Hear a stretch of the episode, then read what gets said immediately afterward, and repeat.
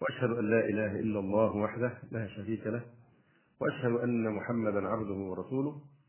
اللهم صل على محمد وعلى آل محمد كما صليت على آل إبراهيم إنك حميد مجيد. اللهم بارك على محمد وعلى آل محمد كما باركت على آل إبراهيم إنك حميد مجيد. ثم أما بعد فنستكمل ونختتم هذه السلسلة التي شرعنا فيها والمتعلقة ببيان وضعية المرأة بين تكريم الإسلام وإهانة الجاهلية. وهذه إن شاء الله تعالى آخر حلقة في هذا الموضوع. لنتوجه إلى بعض القضايا المهمة المؤجلة من مدة. إن شاء الله تعالى غالبا إن كان في وقت يكون الأسبوع القادم أو يكون بعد بعد ذلك إن شاء الله. هناك فرية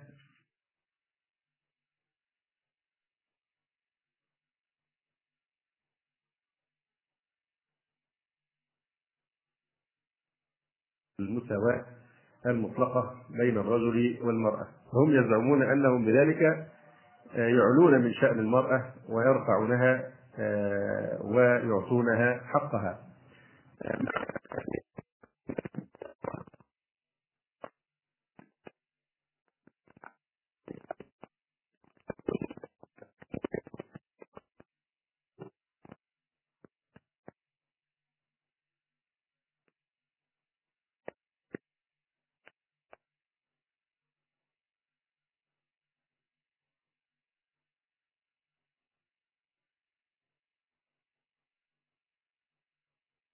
أن يكون خلاف هي مبنية على مراعاة هذه الفروق.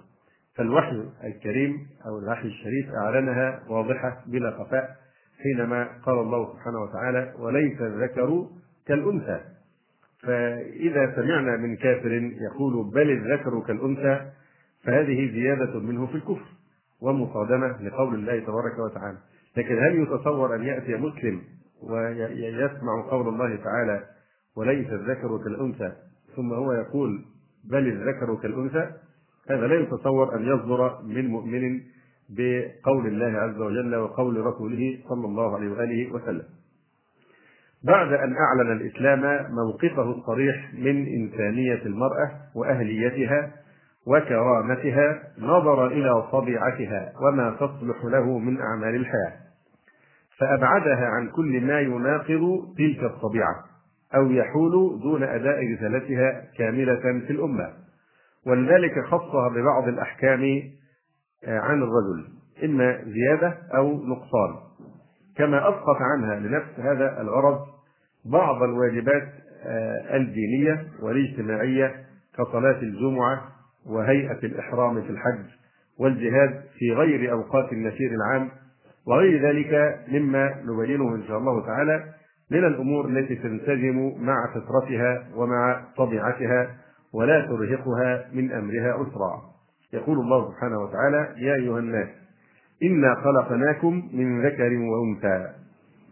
وبين ذلك في قوله تعالى خلقكم من نفس واحدة ثم جعل منها زوجها. فإذا نأخذ من هذه الآية الكريمة أن المرأة الأولى حواء عليه السلام كان وجودها الأول مستندا إلى وجود الرجل وفرعا منه. فهذا أمر كوري قدري من الله سبحانه وتعالى.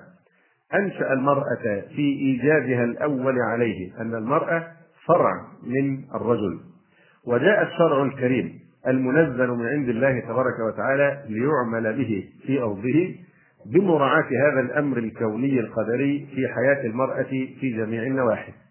أن المرأة هي نفسها يعني فرع عن الرجل. فجعل الرجل قائما عليها وجعلها مستندة إليه في جميع شؤونها.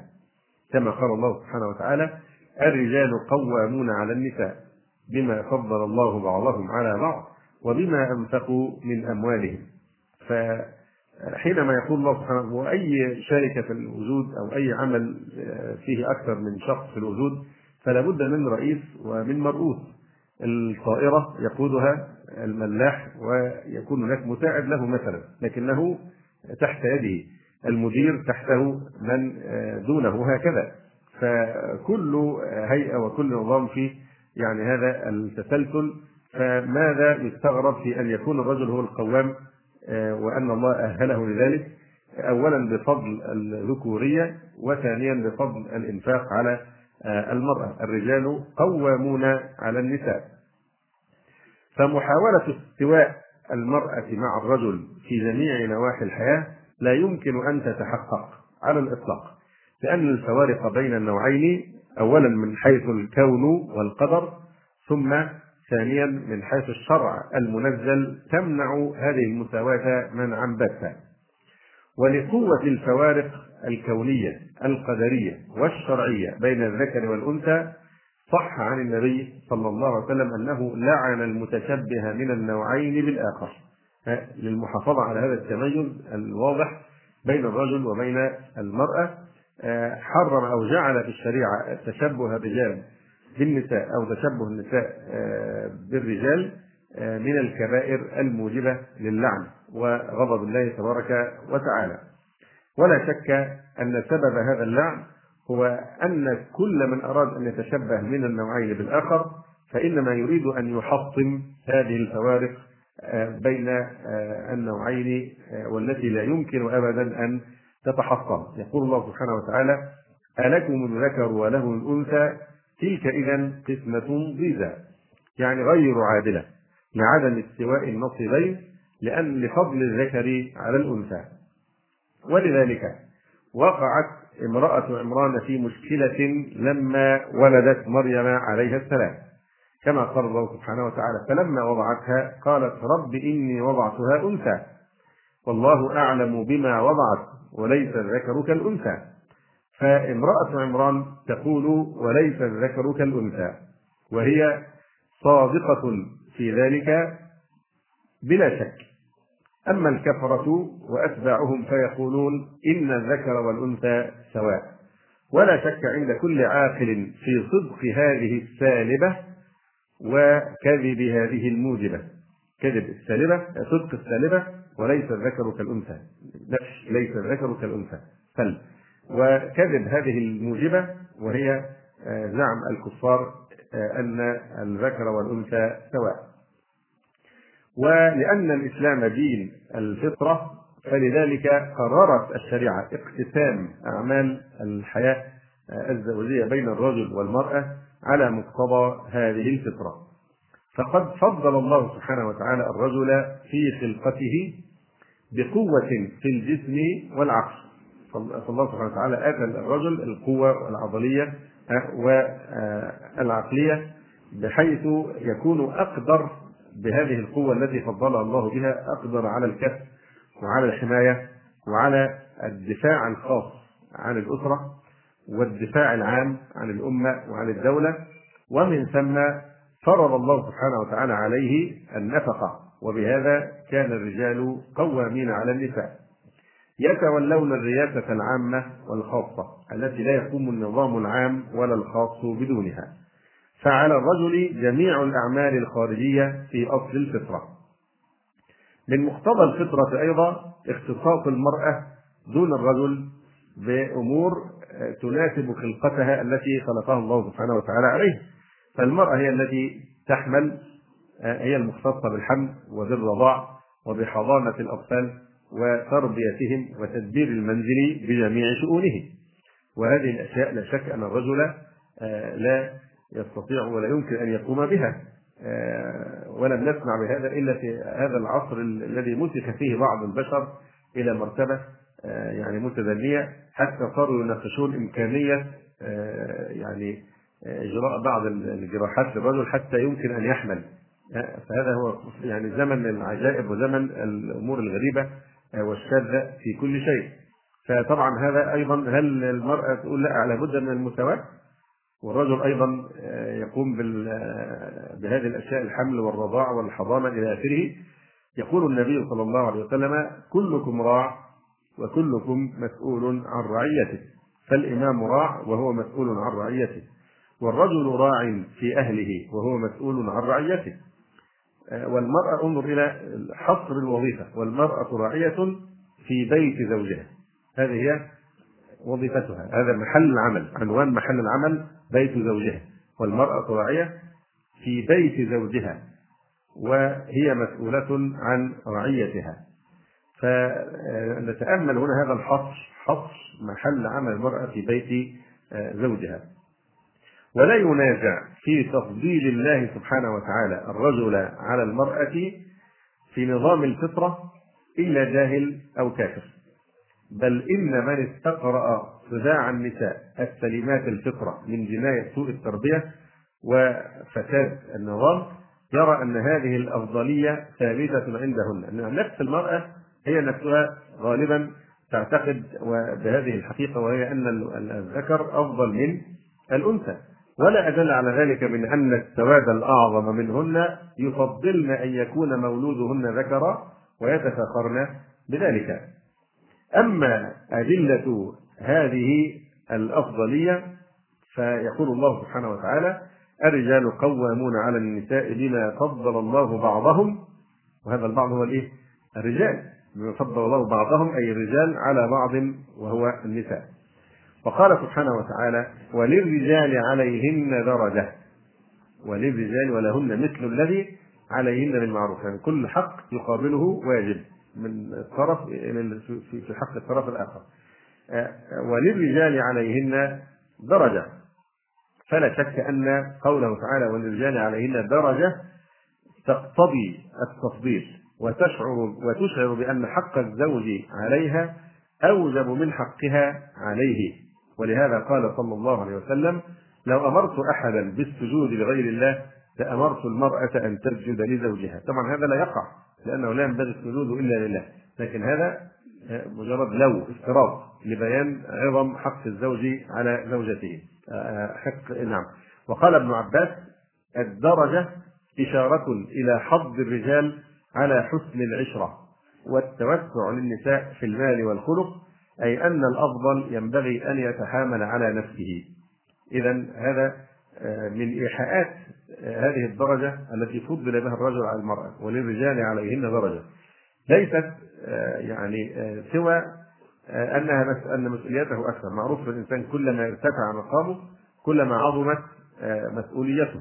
مثلا في بعض الأماكن أو البلاد بيكون عميد العيلة أو عميد كبير الأسرة مثلا. هذا الشخص مقابل هذه هذا التفضيل وهذا المنصب الأدبي العالي مقابل هذا لابد أن يكون في التزامات. إذا أي واحد في الأسرة أصابه شيء فلا بد أنه يتصدى إما لتزويجه أو لسداد دينه أو تحمل الحمالات عليه. هذه طبعا في المجتمعات الذي ما زالت فيها الروابط الاجتماعية متماسكة ولسه في يعني احترام للكبير. فبيوجد إن العميد الأسرة مقابل هذا المنصب الأدبي لابد في عليه إيه؟ تبعات فيعني ابن عباس رضي الله عنهما يشير إلى أن الرجل كما فضل على المرأة بهذه الدرجة فهذه الدرجة ليست درجة القهر أو الإذلال أو الاستعباد أو آه، نحو ذلك وإنما هي آه، مقصود للرجال على هذه الدرجة أن الرجل مطالب بحسن معاشره المرأة وأن هذا التفضيل يقتضي أن يوسع على المرأة وفي ماله وأن يحسن خلقه معها لأن الأفضل ينبغي أن يتحامل على نفسه. لأن الشخص الأفضل والأرقى درجة ينبغي أن يتحامل على نفسه آه، للرزق لمن يعني آه، تحته. يقول ابن عطية وهذا قول حسن بارع. وهذا قول حسن بارع. أن الدرجة تقتضي آه، حظا أكثر على الإحسان إلى المرأة.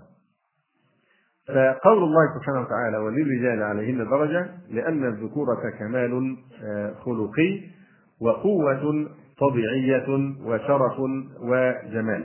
والأنوثة نقص خلقي وضعف طبيعي كما هو محسوس مشاهد لجميع العقلاء. ولا يكاد ينكره إلا مكابر في المحسوس. وقد أشار إلى ذلك جل وعلا ولذلك حتى في حسب معلوماتي القديمة. ما أعرفش اتطورت دلوقتي لما بنشوف نساء بيعملوا يعني أو بنسمع بيعملوا مباريات كرة قدم ومصارعات إلى آخره. دعنا أيضا من هذه الشذوذات ولكن ما أعلمه آه، إن حتى القوانين إذا حصل اختصام بين رجل وامرأة إنه مثلا آه، حاول أن آه، يعني يؤذيها بصورة معينة أو إنه يعني يسرقها أو يفعل كذا أو كذا أن المرأة في هذه الحالة يحكم بأنها الأضعف قطعا مهما كانت حتى لو كانت هي في الظاهر أقوى منه لكن القوانين تتعامل مع أن الرجل دائما أقوى من المرأة. هذه حقيقة لا نحتاج لإثباتها. فأشار الله سبحانه وتعالى إلى آه، هذا المعنى أيضا بقوله جل وعلا أومن ينشأ في الحلية وهو في الخصام غير مبين؟ يعني لما نسب المشركون إلى الله سبحانه وتعالى آه، آه، أنقص الولدين عندهم هو الأنثى جعلوا الملائكة بنات الله واصطفوا لأنفسهم البنين فأنكر الله سبحانه وتعالى عليهم قائلا أومن ينشأ في الحلية وهو في الخصام غير مبين؟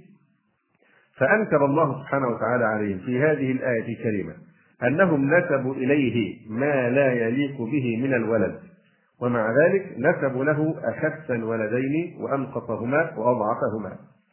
ولذلك ينشأ في الحلية يعني هذا كلام العلامة الشنقيطي رحمه الله آه، تعالى.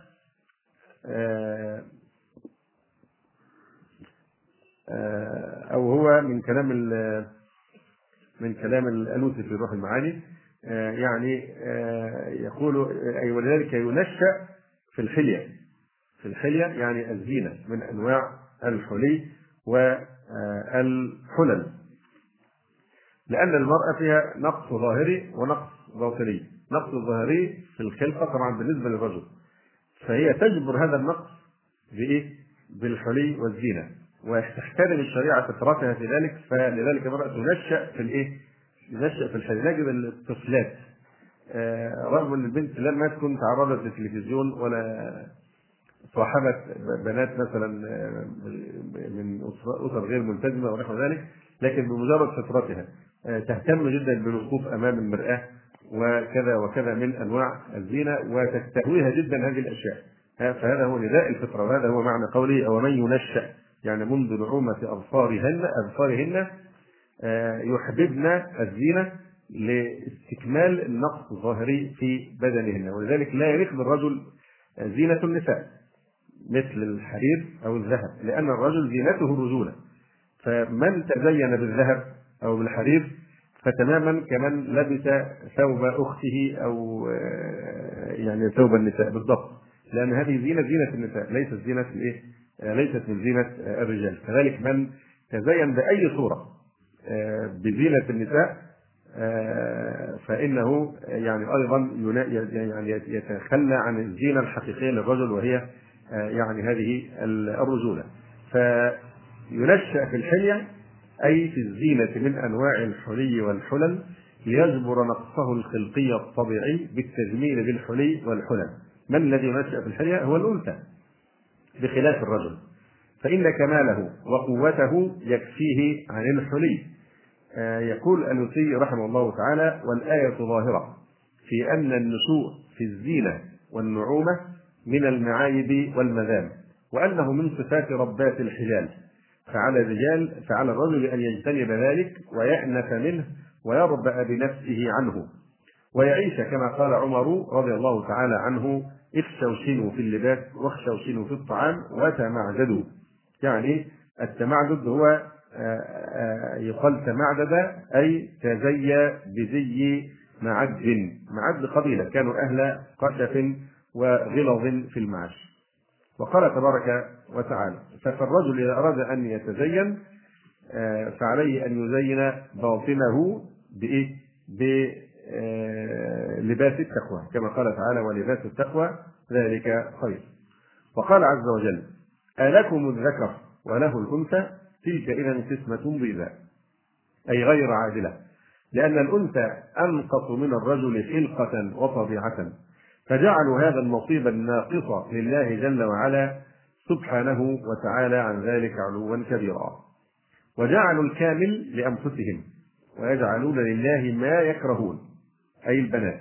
وقال عز وجل وإذا بشر أحدهم بما ضرب للرحمن مثلا يعني الأنثى ظل وجهه مسودا وهو كظيم.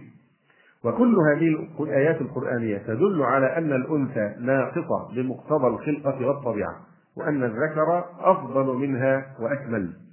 أصطفى البنات على البنين ما لكم كيف تحكمون؟ وقال عز وجل أفأصفاكم ربكم بالبنين واتخذ من الملائكة إناثا؟ ومن الأدلة على أن الأنوثة ضعف طبيعي ونقص خلقي أن المرأة الأولى خلقت من ضلع الرجل الأول فأصلها جزء منه. يقول ابن كثير رحمه الله تعالى قوله تعالى أومن ينشأ في الحلية وهو في الخطاب غير مبين أي أن المرأة ناقصة. يكمل نقصها بلبس الحلي منذ تكون طفلة وإذا خاصمت فلا عبارة لها. يعني يشير إلى النقص ظاهر ونقص باطن. النقص الظاهر هو النقص في الإيه؟ آه، في القوة. آه، وهذه الأشياء. والنقص الباطن آه، يعني القدرات الإيه؟ العقلية. و يعني ولذلك فإذا دخلت في مناظرة أو في مناقشة أو في مجادلة فإنها غالبا تكون عالية لا تصلح. لا شك هناك استثناءات. لا شك أن هناك يعني استثناءات آه، من هذه القاعدة العامة لكن الاستثناء يؤيد القاعدة ولا يهدمها فيؤكد الاستثناء القاعدة. واضح؟ فيقول تعالى أومن ينشأ في الحلية وهو في الخصام غير مبين يعني في الجدال والمناقشة وإقامة الحجة غير مبين. يقول آه، وإذا خاصمت فلا عبارة لها بل هي عاجزة علية. وحتى التاريخ يشهد يعني آه، كما قال النبي عليه الصلاة والسلام كمل من الرجال آه، يعني إيه؟ كثير نعم ولم يكن النساء إلا يعني عدد قليل من النساء. أو معنى الحديث يعني. فال والواقع أننا نرى دائما يعني حتى الملكات الأدبية والشعراء والكذا وكذا الغالب أنهم من الرجال وقلة من النساء من يتسلمن هذه الذروة. فالأنثى أو من يكون هكذا ينسب إلى جناب الله عز وجل فالأنثى ناقصة الظاهر والباطن في الصورة والمعنى. فيكمل نقص ظاهرها وصورتها بلبس الحلي وما في معناه ليجبر ما فيها من نقص كما قال بعض شعراء العرب وما الحلي إلا زينة من نقيصة يتمم من حسن إذا الحسن قصرا وأما إذا كان الجمال موفرا كحسنك لم يحتج إلى أن يزور. يعني يمدح امرأة بأنها لحسنها لا تحتاج إلى الحلي والزينة آه، لأنها بهذه الصفة. وأما نقص معناها فإنها ضعيفة عاجزة عن الانتصار عند الانتصار. لا عبارة لها ولا همة انتهى كلام الحافظ ابن كثير رحمه الله تعالى. كما ذكرنا لا عبرة بنوادر النساء لأن النادر لا حكم له وقال الشنقيطي رحمه الله تعالى ألا ترى أن الضعف الخلقي والعجز عن الإبانة في الخصام عيب ناقص في الرجال؟ يعني الرجل آه، يعاب لأنه آه، عاجز عن يعجز عن الإبانة أو يعاب بضعف الخلقة والوهن آه، ضعف القوة لأن كمال الرجل في القوة واضح. وكماله أيضا في القدرة على إقامة الحجة والنقاش ونحو ذلك. مع أنه يعد من جملة محاسن النساء التي تجذب إليهن القلوب في المرأة قد يكون من محاسن المرأة هذا الضعف وأيضا آه، العي أنها لا تستطيع المناقشة والخطاب والجدال إلى آخره. يقول جرير إن العيون التي في طرفها حور إن العيون التي في طرفها حور قتلننا ثم لم يحيين قتلانا يصرعن ذا اللب حتى لا حراك به وهن أضعف خلق الله أركانا. فمع ضعفهن الظاهر البدني لكن لهن قوة يصرعن بها يعني الرجال. يصرعن ذا اللب حتى لا حراك به وهن أضعف خلق الله أركانا. وقال ابن الدمينة بنفسي وأهلي من إذا عرضوا له ببعض الأذى لم يدر كيف يجيب. فلم يعتذر. عذر البريء ولم تزل. به سكتة حتى يقال مريب. فالأول تكذيب بهن بضعف أركانهن والثاني بعجزهن عن الإبادة الإبانة في الخصام كما قال تعالى وهو في الخصام غير مبين ولهذا التباين في الكمال والقوة بين النوعين صح عن النبي صلى الله عليه وسلم اللعن على من تشبه منهما بالآخر. وقد روى البخاري بسنده إلى أبي سعيد الخدري رضي الله تعالى عنه. قال قال رسول الله صلى الله عليه وسلم ما رأيت من ناقصات عقل ودين. أذهب للب الرجل الحازم من إحداكن. ما يستطيع أحد أن يغلب الرجل الكامل الناضج الحازم العاقل مع هذا الضعف الذي في المرأة إلا هؤلاء النجوى ما رأيت من ناقصات عقل ودين. أذهب للب الرجل الحازم من إحداكن. وتتمة الحديث قلنا وما نقصان عقلنا وديننا يا رسول الله. قال أليس شهادة المرأة من كنا مثل نصف شهادة الرجل؟ قال لا. قال أليس إذا حاضت لم تصل ولم تصم؟ قلنا بلى. قال وذلك من نقصان دينها. يقول الشيخ عبد الله بن حميد رحمه الله تعالى فهذا نص صريح في نقصان المرأة في عقلها ودينها عن الرجل لضرورة أنه لا يتساوى من يصلي بعض حياته بمن يصلي كل حياته ولا من يصوم شهر رمضان من أوله إلى آخره بمن لا يصوم إلا البعض.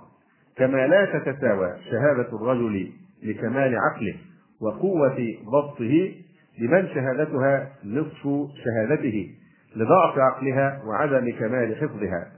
فمن ساوى بين الرجل والمرأة فقد جنى على الإسلام وسلك سبيل الاعوجاج وعن أبي هريرة رضي الله تعالى عنه عن النبي صلى الله عليه وسلم قال كل نفس من بني آدم سيد فالرجل سيد أهله والمرأة سيدة بيتها. فهنا أطلق على الرجل صفة السيد كل كل نفس من بني آدم سيد وهي في معنى الراعي. كلكم راع وكلكم مسؤول عن رعيته فالرجل سيد أهله. آه كما جاء في قصة يوسف وألفاه سيدها يعني زوجها لدى الباب. وكانت أم الدرداء أحيانا تحدث عن أبي الدرداء وتقول حدثني سيدي. فكل نفس من بني آدم سيد فالرجل سيد أهله والمرأة سيدة بيتها. فقوامة الرجل على المرأة قاعدة تنظيمية تستلزمها هندسة المجتمع واستقرار الأوضاع في الحياة الدنيا. ولا تسلم الحياة في مجموعها إلا بالتزامها. يعني خلاصة السعادة في الدنيا والآخرة خلاصة السعادة في كلمة واحدة أن الإنسان لا يجادل وينقاد لشرع الله وللمفاهيم الإسلامية الصحيحة فمتى ما سرت على هذا الطريق انتهى الأمر ما يحصل صراع ومشاكل ومثل هذه الأشياء. إذا حصل تمرد على دين الفطرة وشرائع الإسلام فهنا يحصل الإيه؟ العذاب والنكد والتمغيص. فلو الوضع في البيت أو في المجتمع هو مشى على هذا التنظيم وهو أن العلو للرجل طبعا بالشروط أن يكون أهلا لهذه القوامة ونحو ذلك. ما دامت الأمور تمشي على هذه الطريقة تستقيم الحياة لكن إذا كانت المرأة تنازع الرجل في آه هذه السيادة أو في هذه القوامة فيبقى الإيه؟ التضغيط الدائم التضغيط الدائم والمشاكل التي لا تنتهي. لكن إذا المرأة قنعت بوضعيتها الفطرية آه التي آه وضعتها فيها الفطرة ثم الشريعة بعد ذلك لا استراحت واراحت لكن المشكلة في بعض النساء في الاسترجال إن هي تصر على أن تكون رجلا أيضا ويبقى إيه المنافرة والمشاكل التي لا تنتهي. أما إذا تصرفت التصرفات الفطرية اللائقة بها فهنا يعني تمشي الأمور على ما يرام. فالحياة لا تسلم إلا بالتزام هذه القواعد الفطرية والشرعية. لأن قوامة الرجل على المرأة تشبه قوامة الرؤساء وأولي الأمر. ضرورة يستلزمها المجتمع الإسلامي والبشري. ويأثم المسلم بالخروج عليها مهما يكن من فضله على الخليفة المسلم في العلم أو في الدين إلا أن طبيعة الرجل تؤهله لأن يكون هو القيم فالرجل أقوى من المرأة وأجلد منها في خوض معركة الحياة وتحمل مسؤولياتها فالمشاريع الكبيرة يديرها الرجال والمعارك الحربية يقودها الرجال ورئاسة الدولة العليا يطلع بها الرجال. وهكذا ترى الأمور الكبرى والمصالح العامة يوفق فيها الرجل غالبا ويندر أن تفلح فيها امرأة إلا أن يكون من ورائها رجل. هذا وإن النطاق الذي تشمله قوامة الرجل لا يمس حرمة كيان المرأة ولا كرامتها فليس معنى القوامة أن هذا إهانة للمرأة لا. آه هذا هو السر العظيم في أن الله سبحانه وتعالى لم يقل الرجال مثلا آه سادة على النساء. مع أنه يجوز إطلاق هذا اللفظ كما ذكرنا على الزوج لكنه لم يقل الرجال سادة على النساء وإنما اختار هذا اللفظ الدقيق الرجال قوامون. على النساء ليفيد معنى ساميا بناء. بمعنى أن الرجل يؤدي ما عليه من واجبات يعني طوقت عنقه بسبب هذه القيام وبسبب هذه المنزلة والدرجة. قوامون يعني يقومون بالنفقة عليهن والذب عنهن وصيانتهن ونحو ذلك. فقوام فعال للمبالغه من القيام على الشيء. لم يقل رجال قائمون على النساء وإنما قال قوامون. هذه مبالغة تدل على دوام وشدة الرعاية والعناية وأداء الالتزامات. فقيام الرجال على النساء هو على هذا الحد وهو أن يقوم بتدبيرها وتأديبها وإمساكها في بيتها ومنعها من البروز وأن عليها طاعته وقبول أمره ما لم تكن معصية. وتعليل ذلك بالفضيلة والنفقة والعطف والقوة في أمر الجهاد والميراث والأمر بالمعروف والنهي عن المنكر. وشأن القوامين أنهم يصلحون ويعدلون لا أنهم يستبدون ويتسلطون. فنطاق القوامة محصور إذا في مصلحة البيت والاستقامة على أمر الله وحقوق الزوج. أما ما وراء ذلك فليس للرجل حق التدخل فيه كمصلحة الزوجة المالية. فلا يتدخل الزوج فيها بغير رضاها وليس عليها طاعته إلا في حدود ما أحله الله. فإن أمرها بمعصية فلا طاعة لمخلوق في معصية الخالق. وما لم تخل المرأة بحق الله تعالى أو بحق الزوج فليس له عليها سبيل إلا سبيل التكريم والاحترام. بل إن حسن معاشرة الرجل زوجته وحسن خلقه معها من أعظم مقاييس كمال الإيمان وسلامة الدين.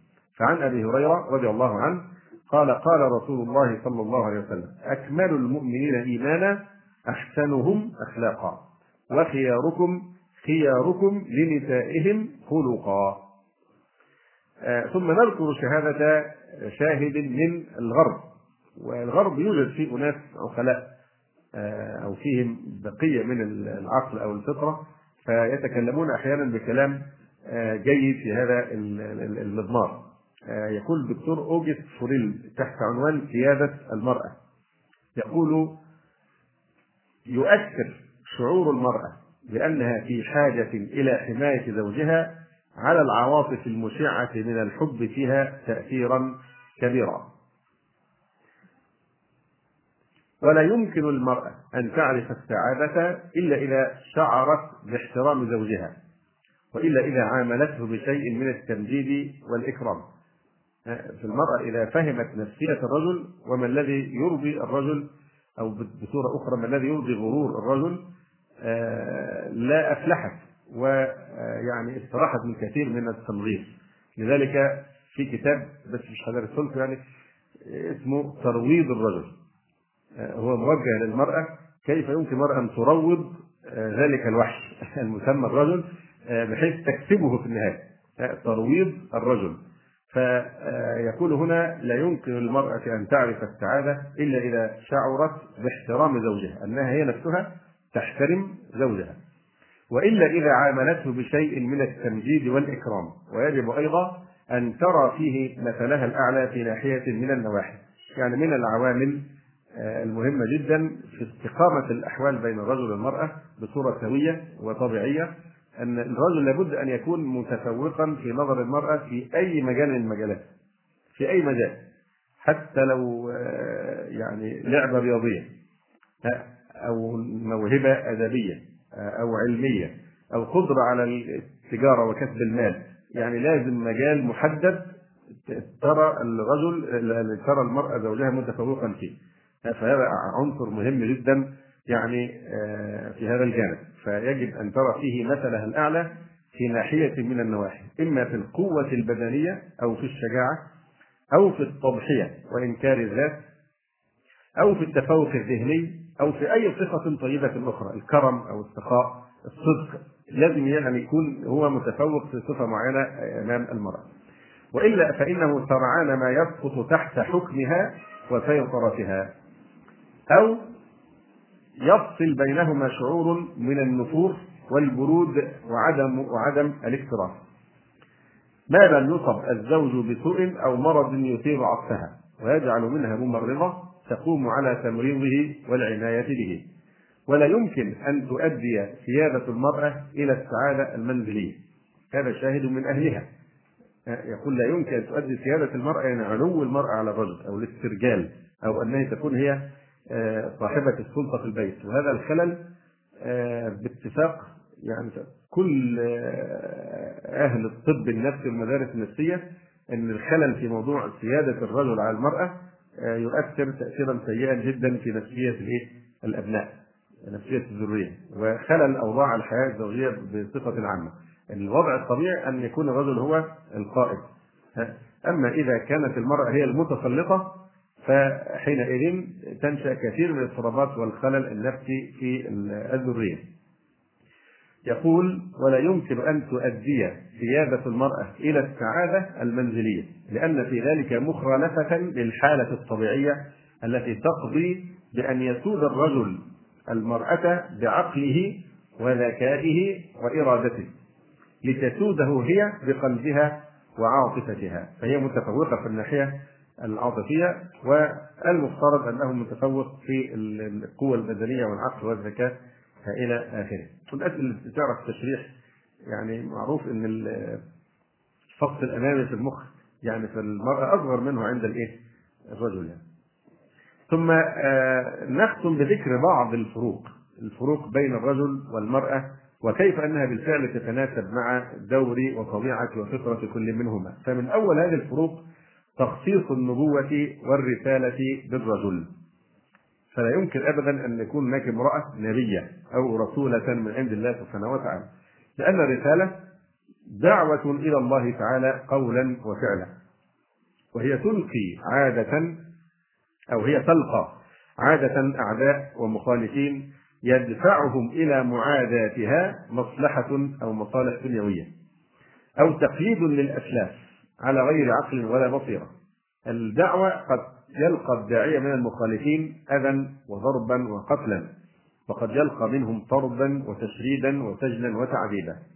ثم إن الرسالة تقوم على قوة العارضة وصدق الحجة والحلم والجلد في الجدل وقطع الطريق على الباطل بالدليل الحاضر ودفع الشبهة بالحقيقة وإضاءة الظلمة بالنور القاهر.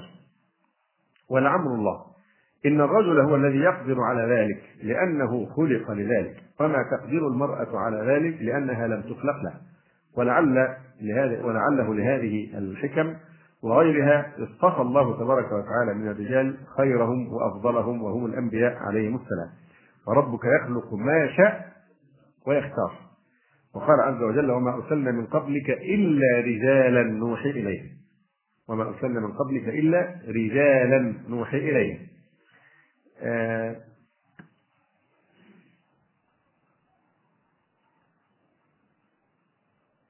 ومن هذه الفروق تخصيص فرضية الجهاد الشرعي في الرجل. فعن عائشة رضي الله عنها قالت قلت يا رسول الله ألا نغزو ونجاهد معكم؟ فقال صلى الله عليه وآله وسلم لكن أحسن الجهاد وأجمله الحج حج مبرور فالحج هو جهاد النساء.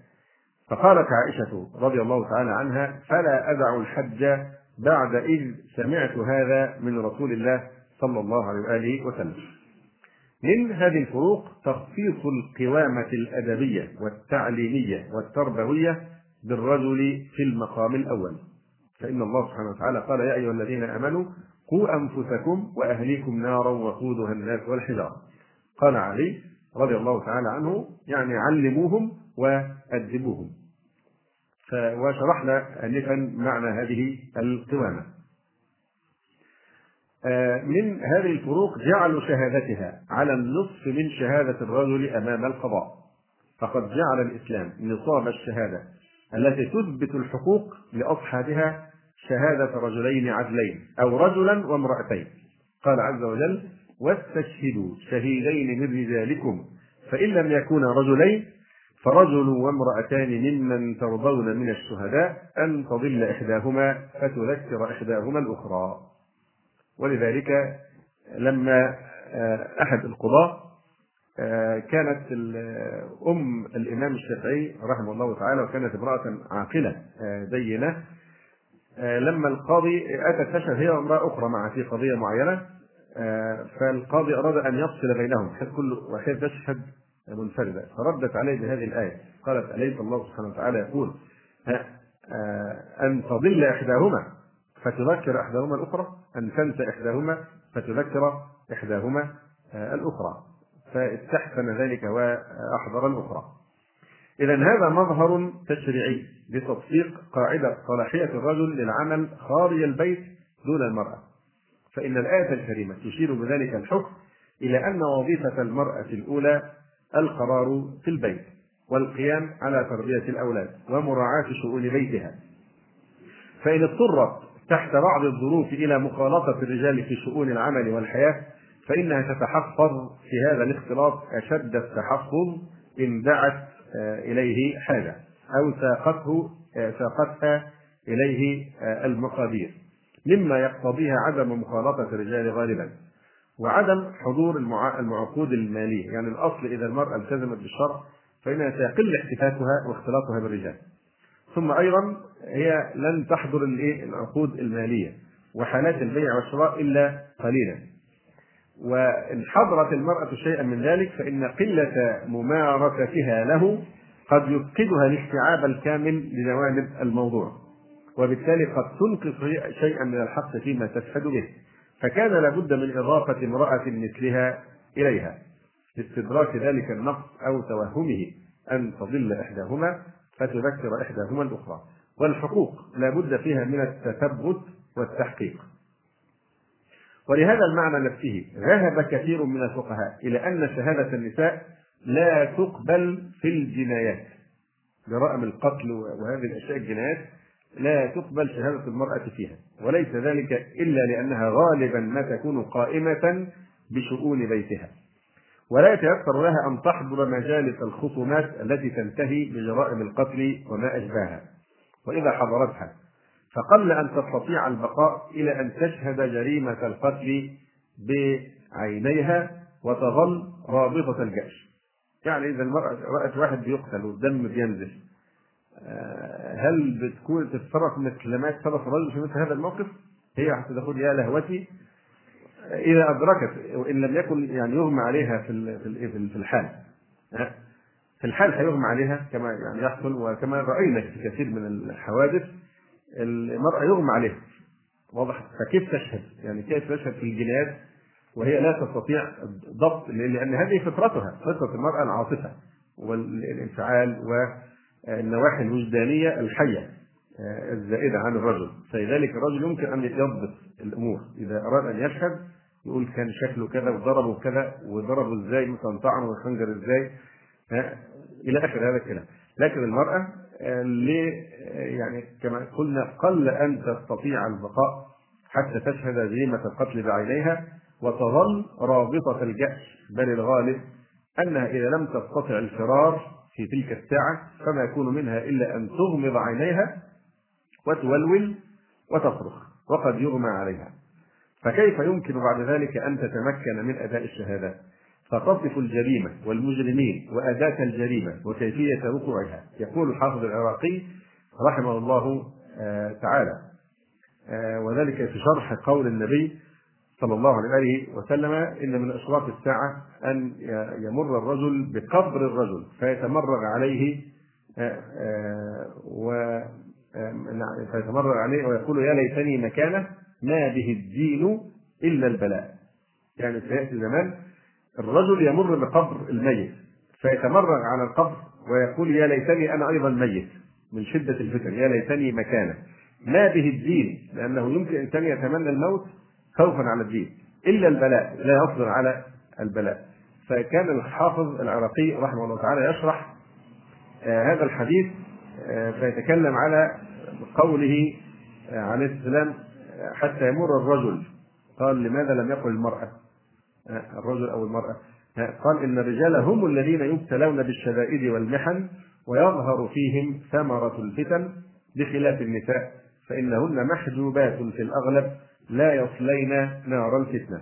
قال الشاعر كتب القتل والقتال علينا وعلى الغانيات جر الذيول. من المسلم به أن الحدود تدرأ بالشبهات وشهادتها في القتل وأشباهه تحيط بها الشبهة.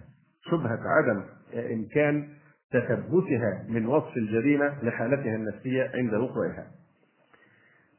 كذلك مما يؤكد مراعاة هذا المعنى في الاحتياط لشهادتها فيما ليس من شأنها أن تحضره غالبا أن الشريعة قبلت شهادتها وحدها فيما لا يطلع عليه غيرها أو ما تطلع عليه دون الرجال غالبا. في أمور ما تقبل إلا شهادة المرأة ولا يعتد به بشهادة الرجل فيه على الإطلاق.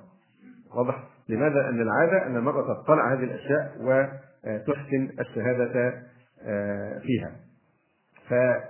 فقرر الفقهاء أن شهادتها وحدها تقبل في إثبات الولادة. في إثبات الولادة. لماذا؟ لأن النساء هن اللائي يحضر الولادة. كذلك شهادتها وحدها تقبل في السيوبة والبكارة وفي العيوب الجسدية لدى المرأة. وكذا في الإرضاع. قال عقبة بن الحارث تزوجت امرأة فجاءتني امرأة سوداء فقالت أرضعتكما. فأتيت النبي صلى الله عليه وسلم فقلت تزوجت فلانة بنت فلان فجاءتنا امرأة سوداء فقالت لي أرضعتكما وهي كاذبة. فأعرض فالرسول عليه السلام أعرض عنه. فأتيت من قبل وجهه. فقلت إنها كاذبة. قال كيف وقد زعمت أنها أرضعتكما؟ ففارقها عقبة ونكحت زوجا غيره وبمناسبة وبدون مناسبة لن أمل من أن أركز على موضوع الفوضى التي تحصل في عملية الرضاع. تحصل فوضى أحيانا في الرضاع بالذات في الأرياف. بيحصل تساهل في موضوع إرضاع الأطفال بدون حصر وبدون عدد وبدون إثبات إلى آخره. فالمفروض أن إذا إذا حصل إرضاع من المرأة لغير مولودها أن أن أن يثبت ذلك. يشهد عليه ويثبت أن فلان رضع مع فلانه مثلا.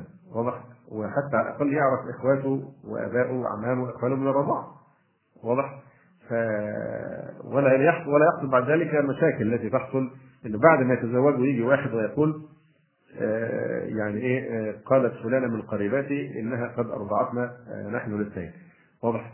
فهذا يعني إيه يحصل بسبب الفوضى في مثل هذا الامر فننصح يعني على الأقل يكتب على ظهر شهادة الميلاد. على ظهر شهادة الميلاد بتاعت الطفل إنه رضع من فلانة ويتعرف فلانة دي ارضعت مين تاني. لأن يعني ممكن تكون ترضع أولاد آخرين. واضح؟ وبعض النساء يكون مرضعات. آه واضح. فبالتالي آه لابد أن يثبت آه كتابيا وبشهود من اللائي الذين رضعوا منها حتى يعرف أن فلان أخو فلانه وبالتالي لا يصلح أن يتزوجها.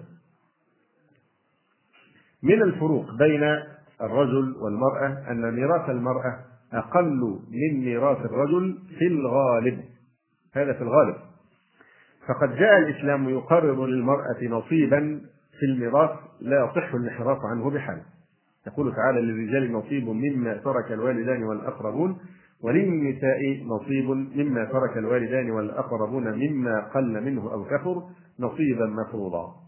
والرجل هو أصل عمود النسب وهذا النصيب يختلف في أحكام الإرث بين حالات.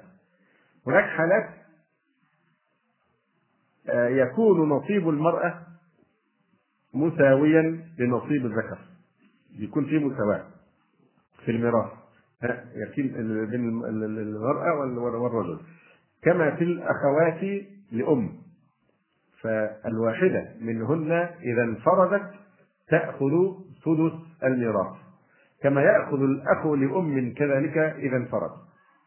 وإذا كانوا ذكورا وإناثا اثنين فأكثر فإنهم يشتركون جميعا في الثلث للذكر مثل حظ الأنثى. قال الله تعالى وإن كان رجل يورث كلالة أو امرأة وله أخ أو أخت فلكل واحد منهما السدس فإن كانوا أكثر من ذلك فهم شركاء في الثلث يعني إيه؟ للذكر مثل حظ الأنثى. حالة أخرى أن يكون نصيبها مثل نصيب الرجل أو أقل منه. كما في الأم مع الأب إذا مات ولدهما. فإن ترك الولد أولادا ذكورا وإناثا أو ذكورا ولو واحدا فللأب السدس وللأم كذلك أيضا السدس. وإذا ترك بنتا أو بنتين فأكثر فللأم السدس وللأب السدس فرضا وما يبقى تعصيبا. وإن ترك الولد أبوين ولم يترك أولادا فللأم الثلث وللأب الثلثان يقول الله تعالى ولأبويه لكل واحد منهما السدس مما ترك إن كان له ولد. فإن لم يكن له ولد وورثه أبواه فلأمه الثلث. الحالة الثالثة بين أن تأخذ نصف ما يأخذه الذكر. وهذا هو الأعم الأغلب أن الإيه؟ الذكر مثل حظ الأنثى هذا هو الغالب. يعني نلاحظ الحكمة التشريعية هنا كيف أن الرجل لما كان قواما على المرأة فهو في هذه الحالة هو المطالب بالإيه؟ بالإنفاق على أسرته. فجاء هذا التشريع مظهرا من مظاهر الشريعة لتطبيق هذا الأصل وهو تكليف الرجل بالإنفاق على أسرته. لأن المرأة لا تنفق. الأصل أنها لا تنفق لأنها إما في بيت أبيها فأبوها مسؤول عن نفقتها وإما في بيت زوجها فزوجها مسؤول عن نفقتها. فالمرأة مترقبة للزيادة. إذا حصل لها مال فهي مترقبة لإيه؟ لزيادة المال. وأما الرجل فهو مترقب للإيه؟ للنقص لأنه ينفق ويتكلف كذا وكذا من أعباء الحياة. فالحالة الثالثة بين أن تأخذ نصف ما يأخذه الذكر وهذا هو الأعم والأغلب كما إذا مات رجل وترك ابنا وبنتا مثلا. فللذكر مثل حظي أخته الأنثى. قال الله سبحانه وتعالى يوصيكم الله في أولادكم للذكر مثل حظ الأنثيين. وقال عز وجل وإن كانوا إخوة رجالا ونساء فللذكر مثل حظ الأنثيين يبين الله لكم أن تضلوا والله بكل شيء عليم. والله سبحانه وتعالى صرح في هذه الآية الكريمة أنه يبين لخلقه هذا البيان الذي من جملته تفضيل الذكر على الأنثى في الميراث لئلا يضلوا. يبين الله لكم أن تضلوا يعني لكي لا تضلوا. فمن سوى بينهما فهو ضال قطعا. من زعم آه، أن المرأة مهزومة في الإسلام والعياذ بالله وأن المرأة لابد أن تتساوى الرجل في الميراث فهذا القرآن يحكم عليه قطعا بالضلال لأن هذا التشريع أتى لحمايته من الضلال. يبين الله لكم أن تضلوا يعني لأي لئلا آه، تضلوا. فمن سوى بين الذكر والأنثى آه، في الميراث فهو ضال قطعا ثم بين أنه سبحانه وتعالى أعلم بالحكم والمصالح وبكل شيء من خلقه بقوله تعالى والله بكل شيء عليم والحكمة في هذا التفضيل ظاهرة إذ إن الأمر يتعلق بالعدالة في توزيع الأعباء والواجبات. على قاعدة الغنم بالغرم الغنم بالغرم. والحكمة البالغة. تقتضي أن يكون الضعيف الناقص مقوما عليه من قبل القوي الكامل. واقتضى ذلك أيضا أن يكون الرجل ملزما بالإنفاق على نسائه والقيام بجميع لوازمهن في الحياة كما قال تعالى وبما أنفقوا من أموالهم ومال الميراث لم يتسبب فيه أحدهما البتة. يعني هذا المال الذي آه، يعني ينال الإنسان من الميراث هل هو اكتسبه بتعبه هو؟ لا الميراث يأتي بدون تسبب لا من الرجل ولا من المرأة. وما سعي في تحصيله عرفا وإنما هو تمليك من الله. ملكهما إياه تمليكا جبريا. فاقتضت حكمة الحكيم الخبير أن يؤثر الرجل على المرأة في الميراث وإن أدليا بسبب واحد. كأن كان مثلا يرثان أبا أو أما. لأن الرجل مترقب للنقص. دائما بالإنفاق على نسائه وأولاده وبذل المهور لهن والبذل في نوائب الدهر والنفقة على أقاربه الفقراء الذين يرثونه. وهو أصل عمود النسب ومنزله مقصد للزائرين أو مقصد للزائرين. أما المرأة فإنها مترقبة للزيادة إذ يأتي يوم يضمها إليه رجل يتزوجها يبذل لها مهرها نحلة ويقوم هو بالإنفاق عليها والقيام بشؤونها. ولا يجب عليها أن تسهم بشيء من نفقات البيت على نفسها وعلى أولادها ولو كانت غنية حتى لو المرأة غنية. فالرجل هو مطالب في كل الأحوال أن ينفق عليها. كما أن مالها يزيد ربحه إذا نمته بالتجارة أو بأية وسيلة من وسائل الاستثمار المشروعة. فالحاصل أن إيثار مترقب النقص دائما على مترقب الزيادة دائما لجبر بعض نقصه المترقب حكمة ظاهرة واضحة لا ينكرها إلا من أعمى الله بصيرته بالكفر والمعاصي عصمنا الله منهما. فلا عبرة بما يردده الملاحدة الذين فسخوا عن أمر ربهم من شبهات حول هذا الحكم الرباني وأمثاله. فلا شك الطعن في شرع الله سبحانه وتعالى وفي موضوع يعني كون الذكر مثل حظ الأنثيين قطعا هذه ردة من قال ذلك فهو خارج من ملة الإسلام وهو مرتد عن دين الله عز وجل لأنه يعني ينكر ما هو معلوم من الدين بالضرورة ويطعن في حكمة الله عز وجل وشرعه. وكان أول من أحدث ضلالة التسوية بين الذكور والإناث في الميراث تركيا في ظل مصطفى كمال اتاتورك حيث استبدلت الأحكام الشرعية بالقوانين السويسري ثم انتقلت عدوى هذه الضلالة على إلى تونس على يد البغيض بوركيبة ثم إلى الصومال حيث استغل محمد سياد بري عليه من الله ما يستحقه استحل تبديل شرع الله وقد حصل في اثر ذلك في الصومال ما حصل. العلماء اعترضوا على ذلك فقام عدو الله سياد بري بقتل وإحراق العلماء في الميادين العامة. أحرق العلماء الذين اعترضوه ممن فضلوا المنية على الدنيه وآثروا الفضيلة والنعش على الرذيلة والعيش رحمهم الله تعالى. وصرح هذا الرجل سياد بري في 21 أكتوبر سنة 70 بواسطة الإذاعة باعتناق حكومته المبدا الماركسي اللينيني وقال في الجريدة الرسمية كنا نسمع عن أقوال أقوال كنا نسمع عن أقوال تقول الربع والثلث والخمس والسدس.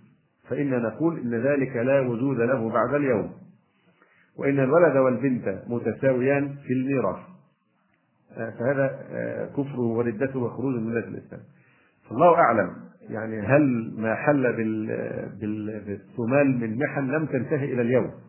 هل بسبب سكوت هذا الشعب وكان قادرا على إنكار هذا المنكر الفظيع فيعني ذاقوا شؤم هذا الشر إلى اليوم فالله سبحانه وتعالى أعلم. يقول الله تعالى وأن احكم بينهم بما أنزل الله ولا تتبع أهواءهم واحذرهم أن يفتنوك عن بعض ما أنزل الله إليك فإن تولوا فاعلم انما يريد الله أن يصيبهم ببعض ذنوبهم وإن كثيرا من الناس لفاسقون أفحكم الجاهلية يبغون؟ ومن أحسن من الله حكما لقوم يوقنون. وقال عز وجل ولا تتمنوا ما فضل الله به بعضكم على بعض. للرجال نصيب مما كسبوا وللنساء نصيب مما اكتسبن. واسألوا الله من فضله.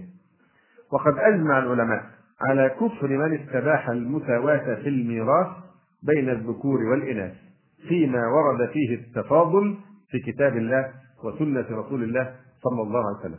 لأنه كفر بالكتاب وبما أرسل الله به رسله وخروج عن شريعة الله إلى حكم الطاغوت. يقول تعالى إنما كان قول المؤمنين إذا دعوا إلى الله ورسوله ليحكم بينهم أن يقولوا سمعنا وأطعنا. وأولئك هم المفلحون. وقال جل وعلا فلا وربك لا يؤمنون حتى يحكموك فيما شجر بينهم ثم لا يجدوا في أنفسهم حرجا مما قضيت ويسلموا تسليما هنا آه، مسألة من المسائل التي يتكرر السؤال فيها وهو هل يجب تسوية الوالدين بين أولادهم الذكور والإناث في الهبة؟ الأب إذا أعطى آه، هبة آه، معلوم الشرع أنه يجب عليه أن يسوي بين أولاده في العطية وفي الهبة لكن هل يعطي الولد مثل البنت أو يعطي الذكر مثل حظ الأنثيين؟ يقول النبي صلى الله عليه وآله وسلم سووا بين أولادكم في العطية فلو كنت مفضلا أحدا لفضلت النساء. سووا بين أولادكم في العطية فلو كنت مفضلا أحدا لفضلت النساء. صلى الله عليه وسلم. اتفق الفقهاء على جواز هبة الوالدين لأولادهم لكنهم اختلفوا في تفضيل بعضهم على بعض في أصل الإعطاء ثم اختلفوا في صفة الإعطاء. فأولا نناقش حكم العدل بين الأولاد في الهبة. روى البخاري بسنده إلى النعمان بن بشير رضي الله عنهما أن أباه أتى به إلى رسول الله صلى الله عليه وسلم فقال إني نحلت ابني هذا غلاما. وهبته غلاما. فقال أكل ولدك نحلت مثله؟ قال لا. قال فأرجعه. فأرجعه. وروى أيضا بسنده عن حصين بن عامر قال سمعت النعمان بن بشير رضي الله عنهما وهو على المنبر يقول أعطاني أبي عطية فقالت عمرة بنت رواحة لا أرضى حتى تشهد رسول الله صلى الله عليه وسلم. فأتى رسول الله صلى الله عليه وسلم فقال إني أعطيت ابني من عمرة بنت رواحة عطية فأمرتني أن أشهدك يا رسول الله. قال أعطيت سائر ولدك مثل هذا؟ قلنا سائر بمعناها إيه؟ باقي. أعطيت سائر ولدك مثل هذا؟ قال لا. قال فاتقوا الله واعدلوا بين أولادكم. قال فرجع. فرد عطيته. يعني هو حل من اثنين. يا إما يعطي كل الأولاد يا إما يرد العطية التي أعطاها لهذا الولد الذي فضله. ولمسلم من طريق إبراهيم بن سعد عن ابن شهاب قال فردده وفي رواية الشعبي قال فرجع فرد عطيته. ولمسلم فرد تلك الصدقة. وفي رواية أبي حبان قال عليه الصلاة والسلام لا تشهدني على جور. لا تشهدني على جور على ظلم. ولمسلم أيضا فقال فلا تشهدني إذا فإني لا أشهد على جور. وفي رواية فأشهد على هذا غيري. وفي حديث جابر فليس يصلح هذا وإني لا أشهد إلا على حق. وفي رواية عند النسائي فكره أن يشهد له. ورواية عند مسلم اعدلوا بين أولادكم في النحل كما تحبون أن يعدلوا بينكم في البر. وعند أحمد إن لبنيك عليك من الحق أن تعدل بينهم.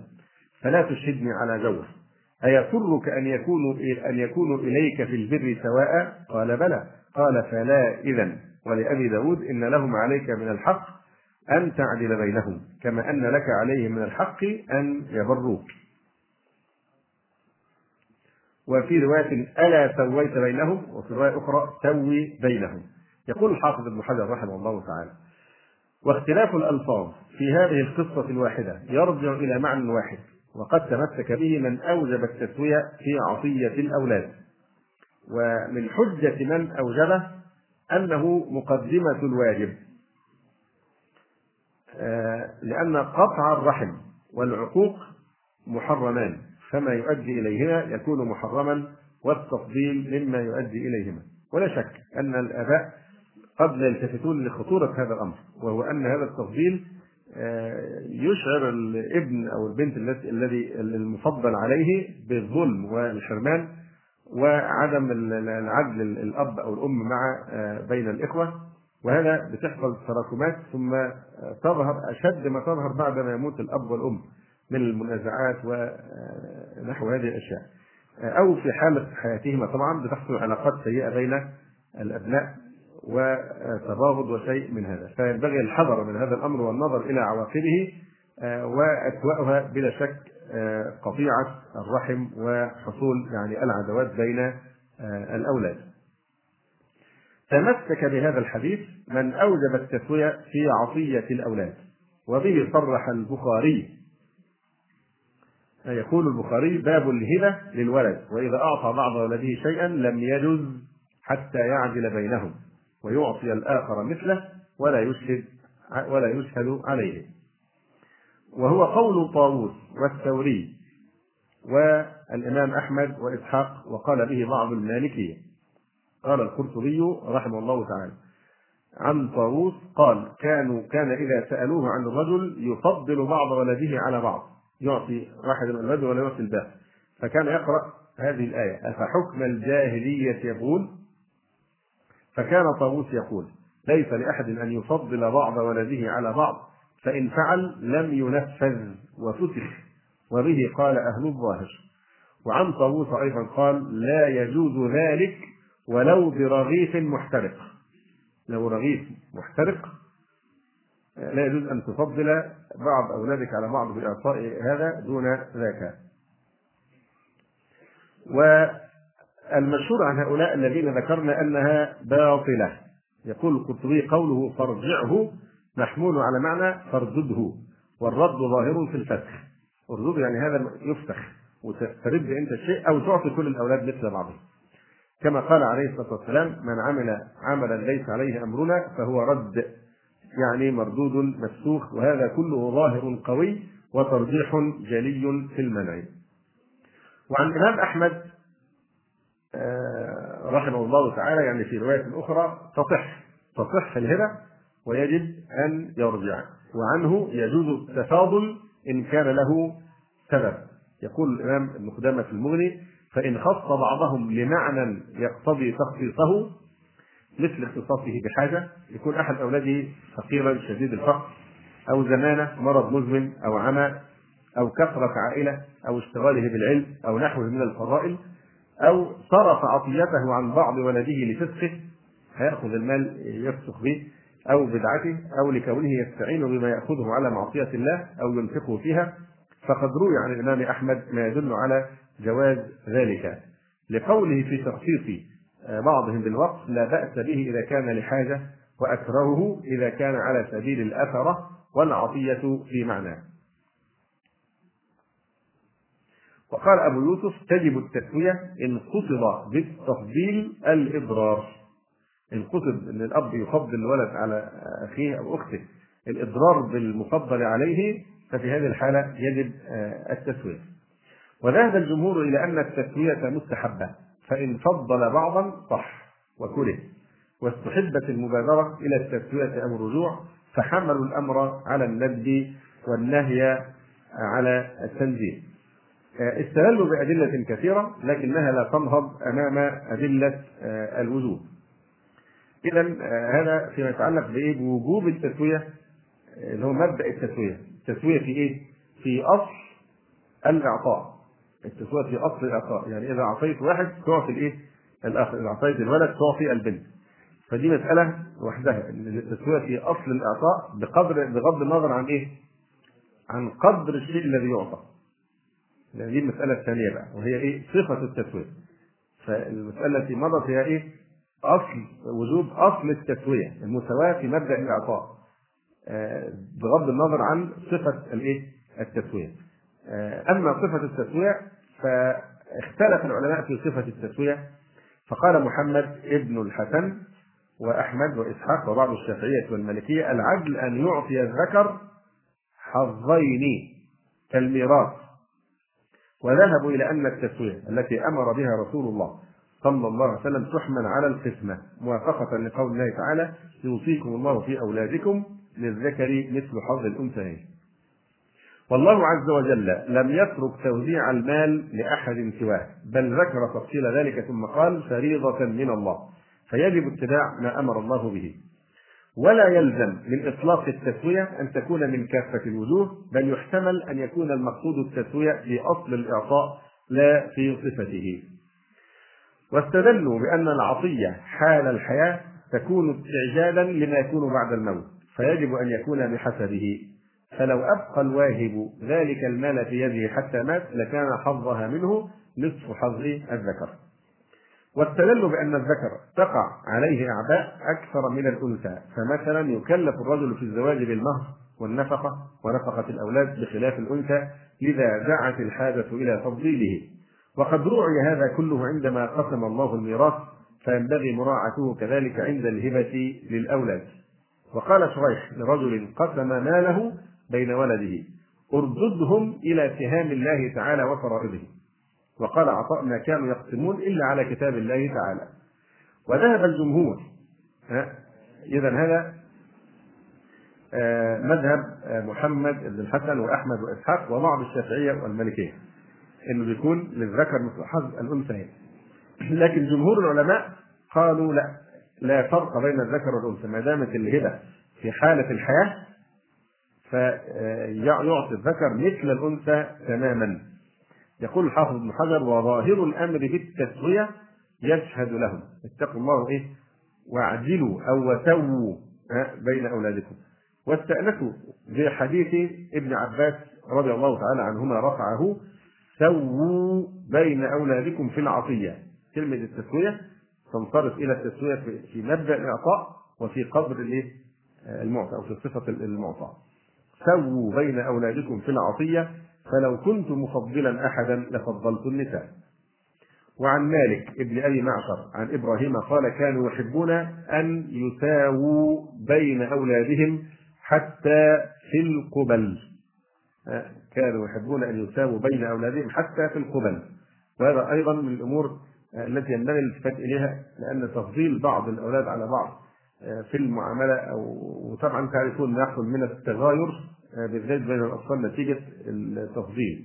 فينبغي الحذر من مثل هذا. كانوا يحبون أن يساووا بين أولادهم حتى في القبل.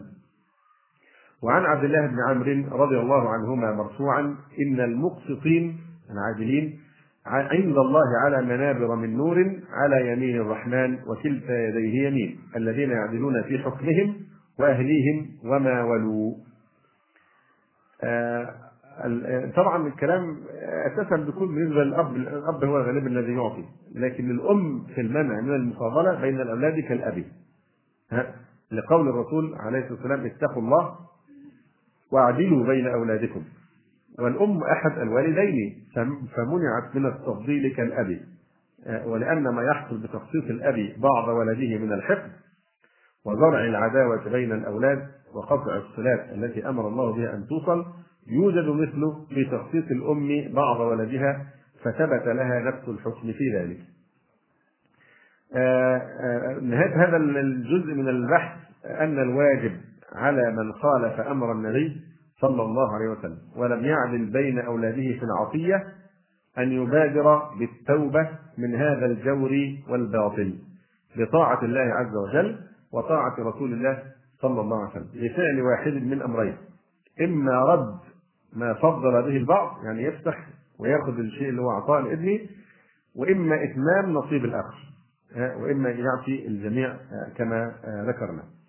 من الفروق بين الرجل والمرأة جعلوا الطلاق بيد الرجل ونسبته إليه كما قال تعالى يا أيها النبي إذا طلقتم النساء وقال عز وجل أو يعفو الذي بيده عقدة النكاح وهو الزوج. وقال تعالى وإن طلقتموهن تلاحظ الخطاب كله لإيه؟ للرجال. وإن طلقتموهن من قبل أن تمسوهن. وقال عز وجل والمطلقات يتربصن بأنفسهن ثلاثة قروء إلى قوله فإن طلقها فلا تحل له من بعد حتى تنكح زوجا غيره. وقال صلى الله عليه وسلم إنما الطلاق لمن أخذ بالساق يعني الزوج. فالمسلمون مجمعون على أن الطلاق بيد الرجل وهو الذي يوقعه إذا شاء. ما الحكمة في تخصيص الرجل بنقض الزوجية؟ أولا لأن النساء مزارع وحقول تبذر فيها النطف كما يبذر الحب في الأرض. يقول الله سبحانه وتعالى نساؤكم حرث لكم. ولا شك أن الطريق القويم أن الزارع لا يرغم على للزراع في حقل لا يرغب الزراعة فيه لأنه يراه غير صالح له. والرجل هو الذي يملك أمر للزراع ولهذا أجمع العقلاء على نسبة الولد له لا للمرأة. يقول تعالى وعلى المولود له رزقهن وكسوتهن بالمعروف.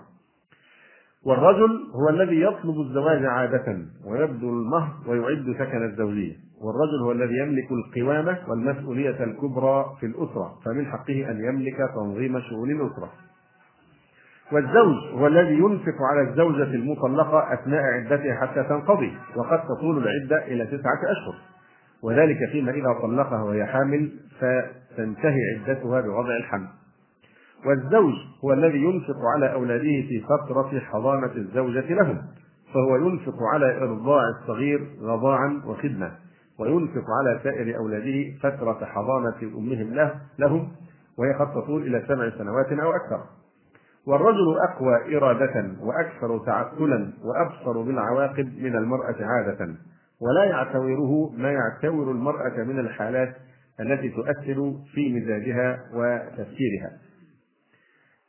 أما الخروج على نظام الإسلام في أمر الطلاق وجعل الطلاق بيد القاضي فهو مخالفة صريحة لحكم الإسلام وذريعة إلى مفاسد عظيمة بجانب أنه لن يحد من الطلاق. أما مخالفة ذلك للإسلام فللأدلة التي ذكرناها على أن الطلاق بيد الرجل.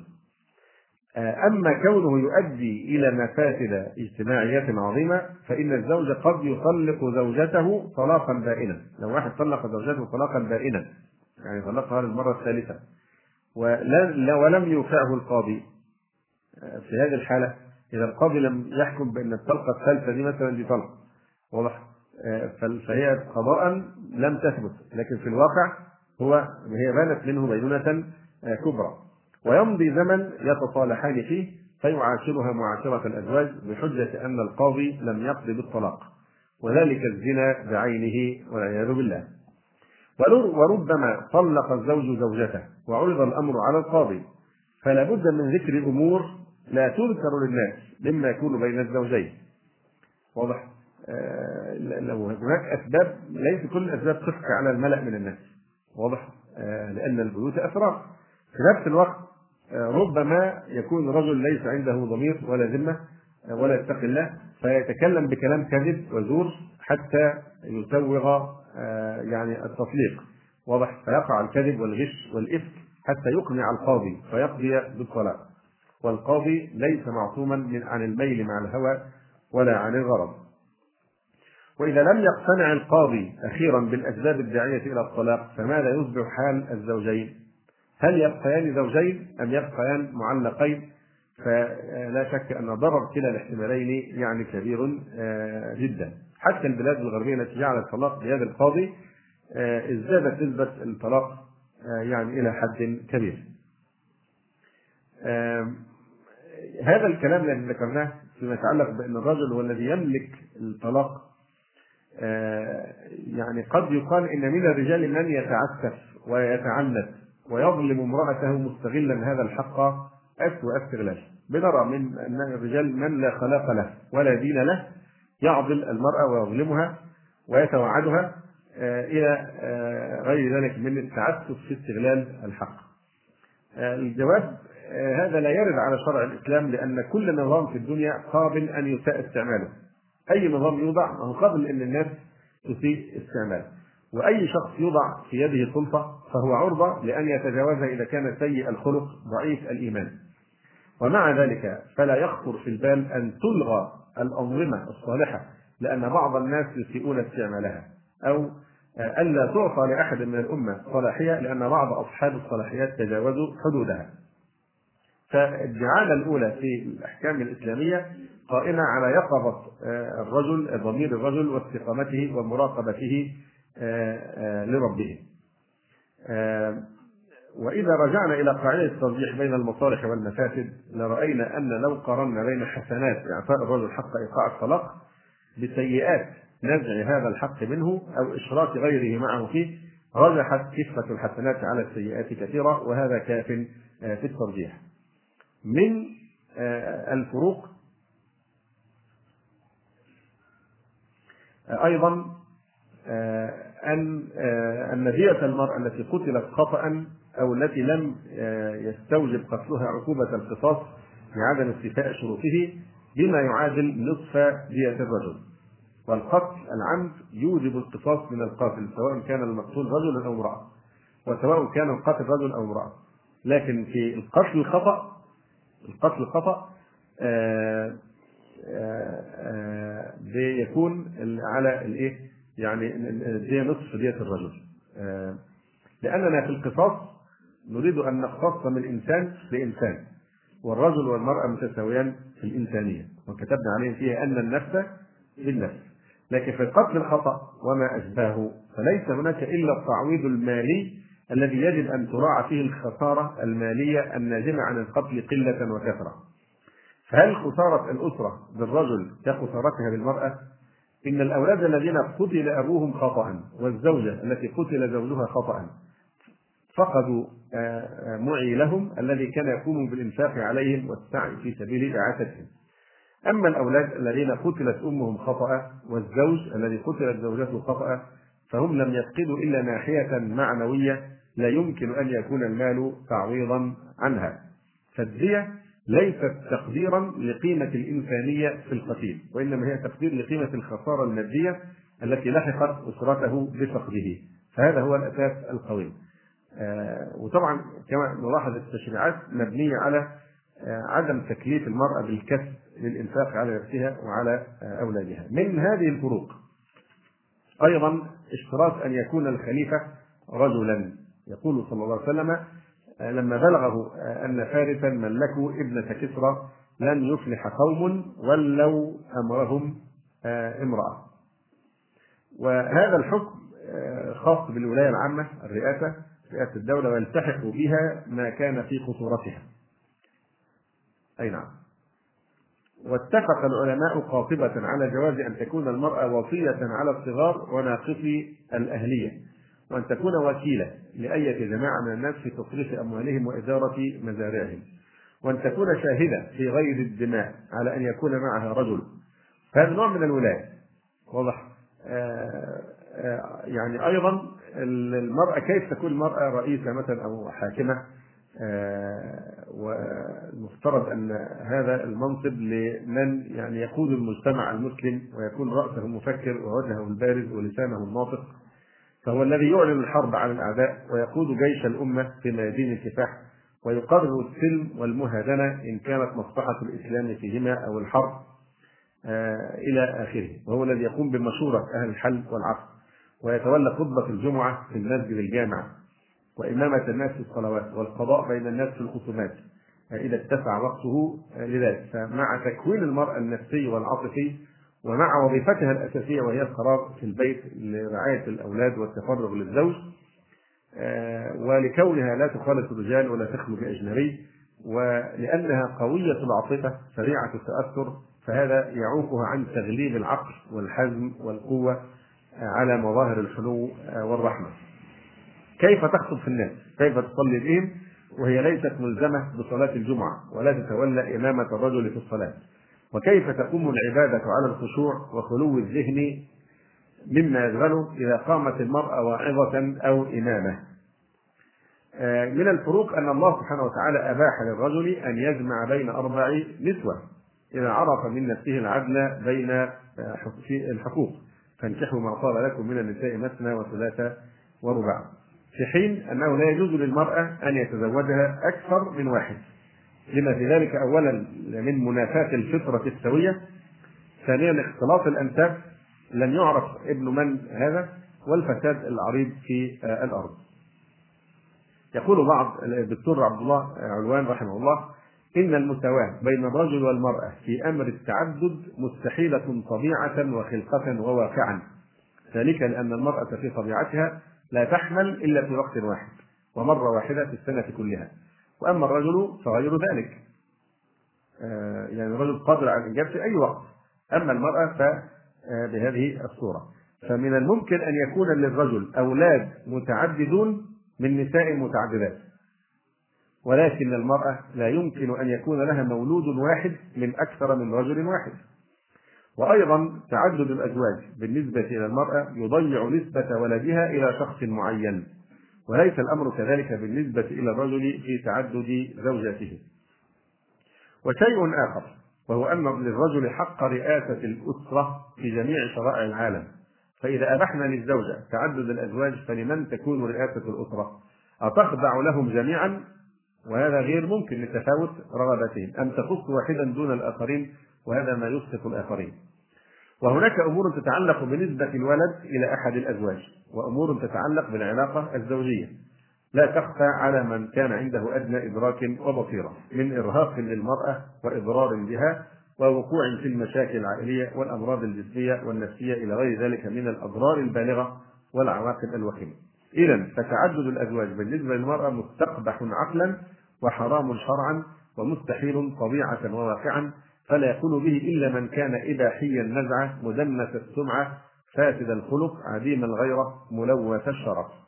نختم بذكر عناوين جملة من الأحكام آه، التي تخالف وتفارق فيها المرأة الرجل من ذلك الخلوة. يقول عليه الصلاة والسلام لا يخلون رجل بامرأة إلا ومعها ذو محرم ولا تسافر المرأة إلا مع ذي محرم. وقال صلى الله عليه وسلم ألا لا يخلون رجل بامرأة إلا كان ثالثهما الشيطان. وقال صلى الله عليه وسلم لا تصم المرأة وبعلها شاهد إلا بإذنه. شاهد حاضر يعني غير متاش من ذلك قوله عليه الصلاة والسلام التسبيح للرجال والتصفيق للنساء. في الصلاة طبعا. ومنها قوله عليه الصلاة والسلام ليس على النساء الحلق وإنما على النساء التقصير. ده عند التحلل في الإحرام. وقال صلى الله عليه وسلم لو كنت آمرا أحدا أن يسجد لأحد لأمرت المرأة أن تسجد لزوجها. وقال صلى الله عليه وسلم خير صفوف الرجال أولها وشرها آخرها وخير صفوف النساء آخرها وشرها أولها. وقال صلى الله عليه وسلم خير مساجد النساء بيوتهن. وقال صلى الله عليه وسلم الجمعة حق واجب على كل مسلم في جماعة إلا على أربعة. عبد مملوك أو امرأة أو صبي أو مريض.